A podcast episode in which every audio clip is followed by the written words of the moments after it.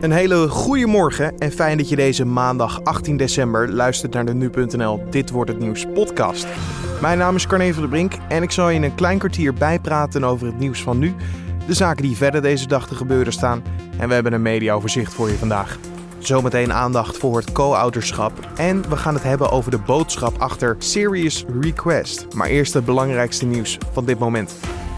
De Amerikaanse president Donald Trump is niet van plan om de speciale aanklager in het Ruslandonderzoek Robert Mueller te ontslaan. Mueller ligt onder vuur vanuit het Republikeinse kamp omdat hij op onwettige wijze duizenden e-mails in handen zou hebben gekregen.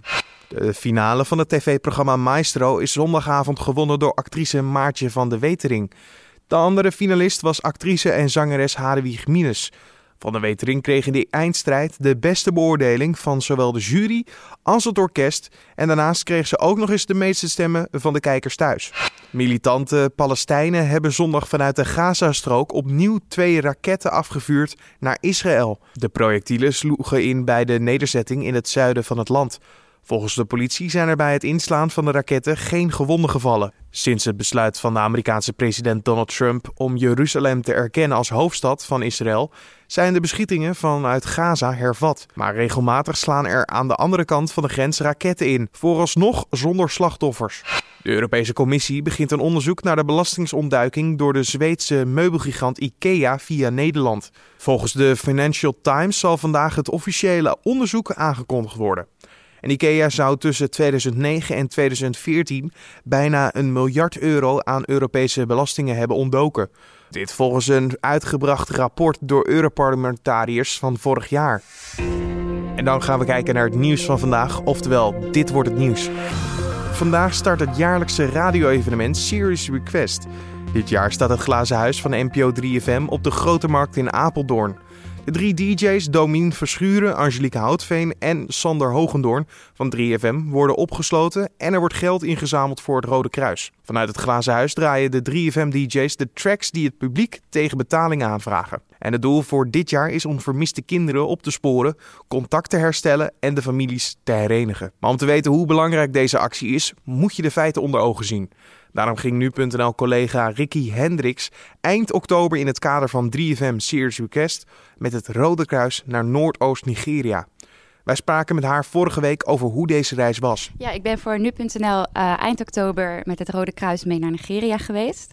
Hun thema van Serious Request is dit jaar verscheurde families bijeenbrengen. Dat is ook het geval in Nigeria, wat het Rode Kruis ons heeft laten zien. Uh, het is natuurlijk een land waar vooral het Noordoosten uh, Boko Haram, de terroristische groepering, nog recentelijk veel gebied in handen had.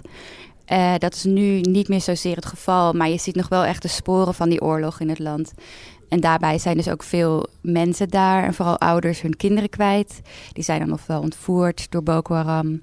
Ze zijn vermist geraakt in, uh, in een vlucht. Uh, zo heeft het Rode Kruis ons laten zien hoe zij uh, proberen die kinderen weer op te sporen. En als het natuurlijk kan, weer bij hun ouders te brengen is ook het lastige, hè? want je bent dan in Nigeria geweest met het Rode Kruis, dus een perfecte begeleiding. Uh, alleen je komt in zo'n andere wereld, lijkt mij. Je komt van, uh, van een prachtig Nederland waar we zeuren om alle kleine dingetjes. En dan kom je in een land waar ze met wereldproblemen te maken hebben.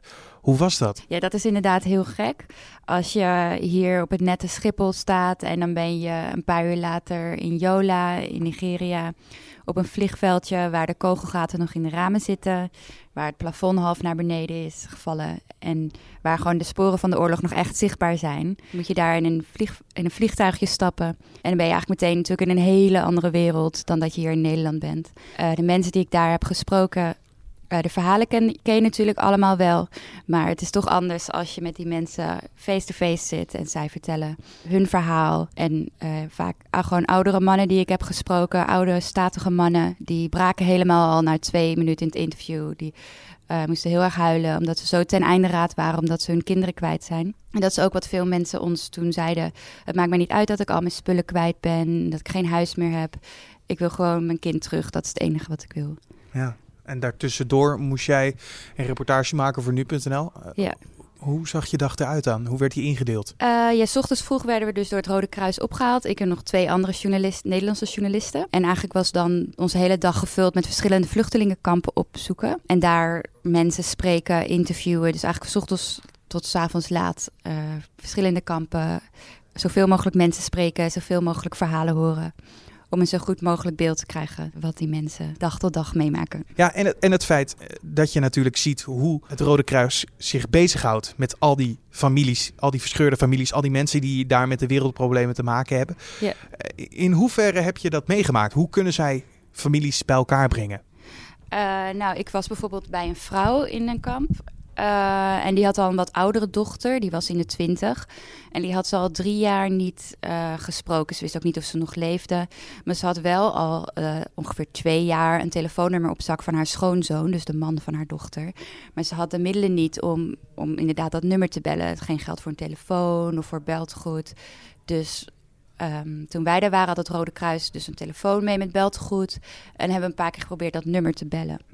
En ze nou, eigenlijk werd er dus de hele tijd niet opgenomen. En je zag die vrouw helemaal al van het ergste scenario uitgaan. En aan het eind van de dag werd er opeens teruggebeld op de telefoon. En was het dus de schoonzoon van die vrouw.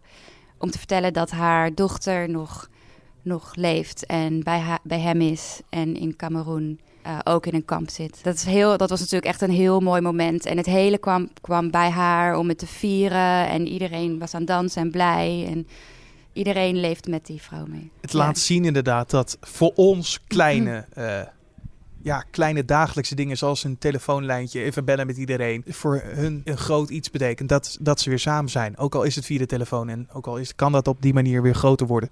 Dat is het bijzondere, denk ik, aan de reis geweest. Ja, precies. En het gaat ook gewoon om zo'n zo'n kleine dingen. Zo, ik bedoel, een uh, telefoontje van twee minuten, ik bedoel, hoeveel geld kost dat?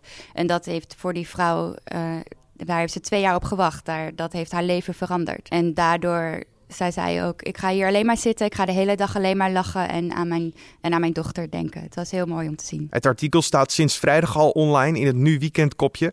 En deze week komt het tweede artikel van Ricky Hendricks op onze site. Wil je nou ook iets doen voor het Rode Kruis en Serious Request? Surf dan even naar rodekruis.nl of npo3fm.nl slash serious request. Vandaag verschijnen er ook cijfers van het Centraal Bureau voor de Statistiek over het co-ouderschap. Want ook al zijn je ouders of jij en je partner uit elkaar, goed contact is voor iedereen het fijnst.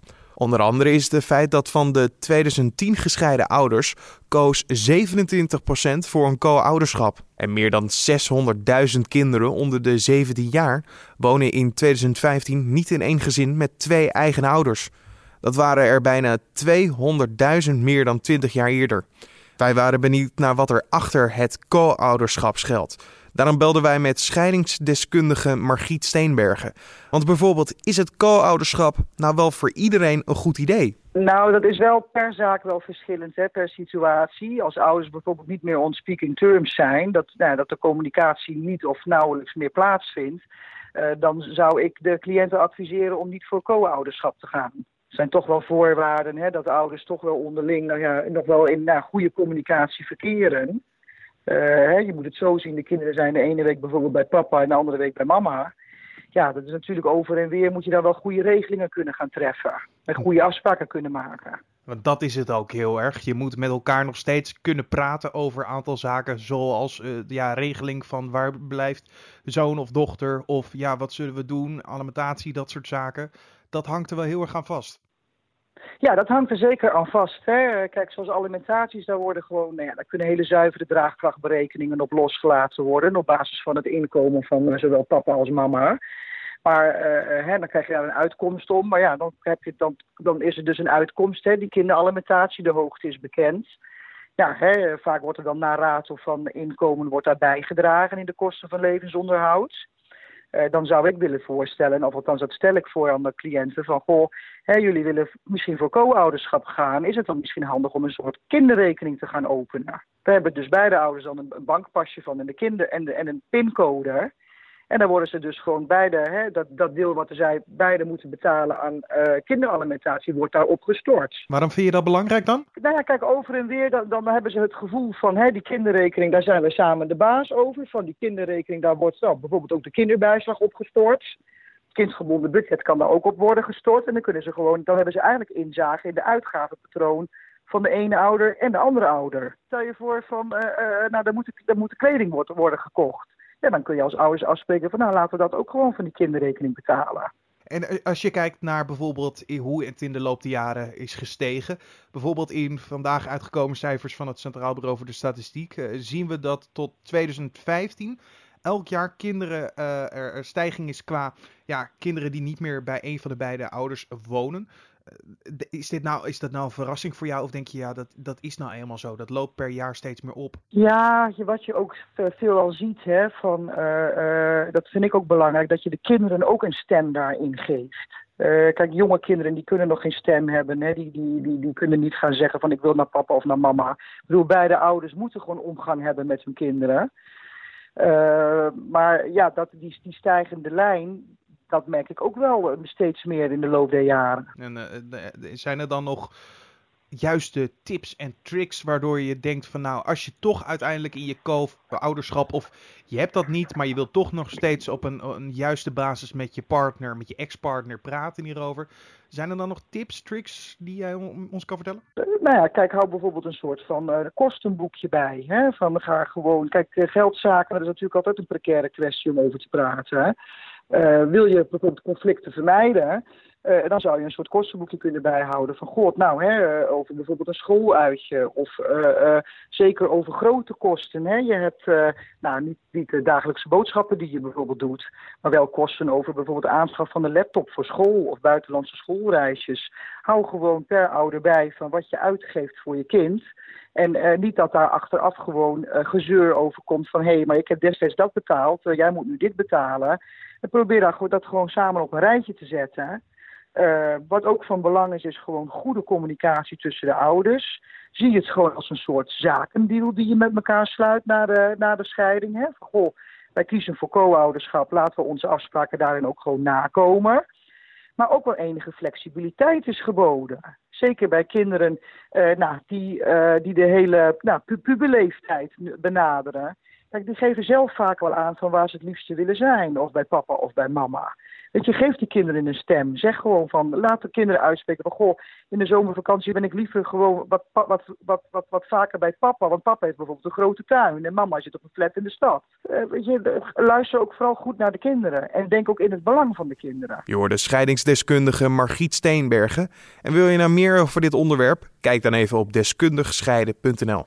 En dit gebeurt er verder vandaag nog. De Nederlandse bank DNB laat vandaag weten wat de centrale bank verwacht van de Nederlandse economie. In de zomer zei DNB voor dit jaar een groei van 2,5% te verwachten. Dat zou de hoogste economische groei in 10 jaar tijd zijn. Voor 2018 en 2019 gaat de centrale bank uit van respectievelijke 2,1% en 1,9%. En daar kijken we waar onze collega's vandaag over gaan schrijven. De NS heeft door een nieuwe manier van meten de kans op een zitplaats in de hogesnelheidstrein in de spits met 10% verhoogd. Het grote tekort aan zitplaatsen wordt daardoor ineens omgebogen tot ruim voldoende zitplaatsen. De norm is niet langer de kans op een zitplaats in de spits in de drukke trein, maar nu wordt er gekeken naar een gemiddelde over 12 treinen, waaronder relatief rustige trajecten. De aanpassingen was zo verstopt in de brieven aan de Tweede Kamer dat de effecten van de nieuwe methode geen onderwerp van debat zijn geworden. De nieuwe score op papier heeft tot gevolg dat de NS waarschijnlijk nooit meer een boete krijgt omdat treinreizigers moeten staan. De NS heeft al twee keer een boete ontvangen en bij de derde keer zou betekenen dat de NS de hoge snelheidslijn mogelijk kwijt zou raken en een ander vervoerder het mag proberen. Het kabinet wil de verkoop van lachgaspatronen aan banden leggen. De inhoud van de metalen capsules zijn onder jongeren razend populair, maar ze blijken dus gevaarlijker dan gedacht te zijn. Het AD bericht het uit onderzoek van het Trimbos Instituut en het Bonger Instituut. Zo blijkt dat het gebruik van lachgas niet zonder gevaar is. Jongeren blijken last te krijgen van hoofdpijn, duizeligheid, tintelingen, verwardheid, uh, misselijkheid en de hunkering om opnieuw te gebruiken. Op de lange termijn zijn concentratieproblemen, vermoeidheid en duizelingen effecten van het lachgas op de gezondheid. En dan nog even het weer van vandaag. Het wordt een dag met wolken en een kleine kans op lichte regenbuien. De maximumtemperatuur ligt rond de 7 graden met een matige noordwestelijke wind. En dan nog dit. Een bankmedewerker in Duitsland heeft een flinke klus gehad aan het tellen van een erfenis. De nalatenschap bestond namelijk volledig uit Duitse mark centen. Een overleden vrachtwagenchauffeur had het geld bewaard in honderden plastic diepvrieszakjes. De muntjes plakten aan elkaar, waardoor de telmachine niet werkte. De bankier ging daarom aan de slag en telde alles met de hand. Na een half jaar was hij uitgeteld en kregen de namenstaanden een mooi bedrag van 8000 euro. Dit was dan de Dit wordt het nieuws podcast voor deze maandag 18 december.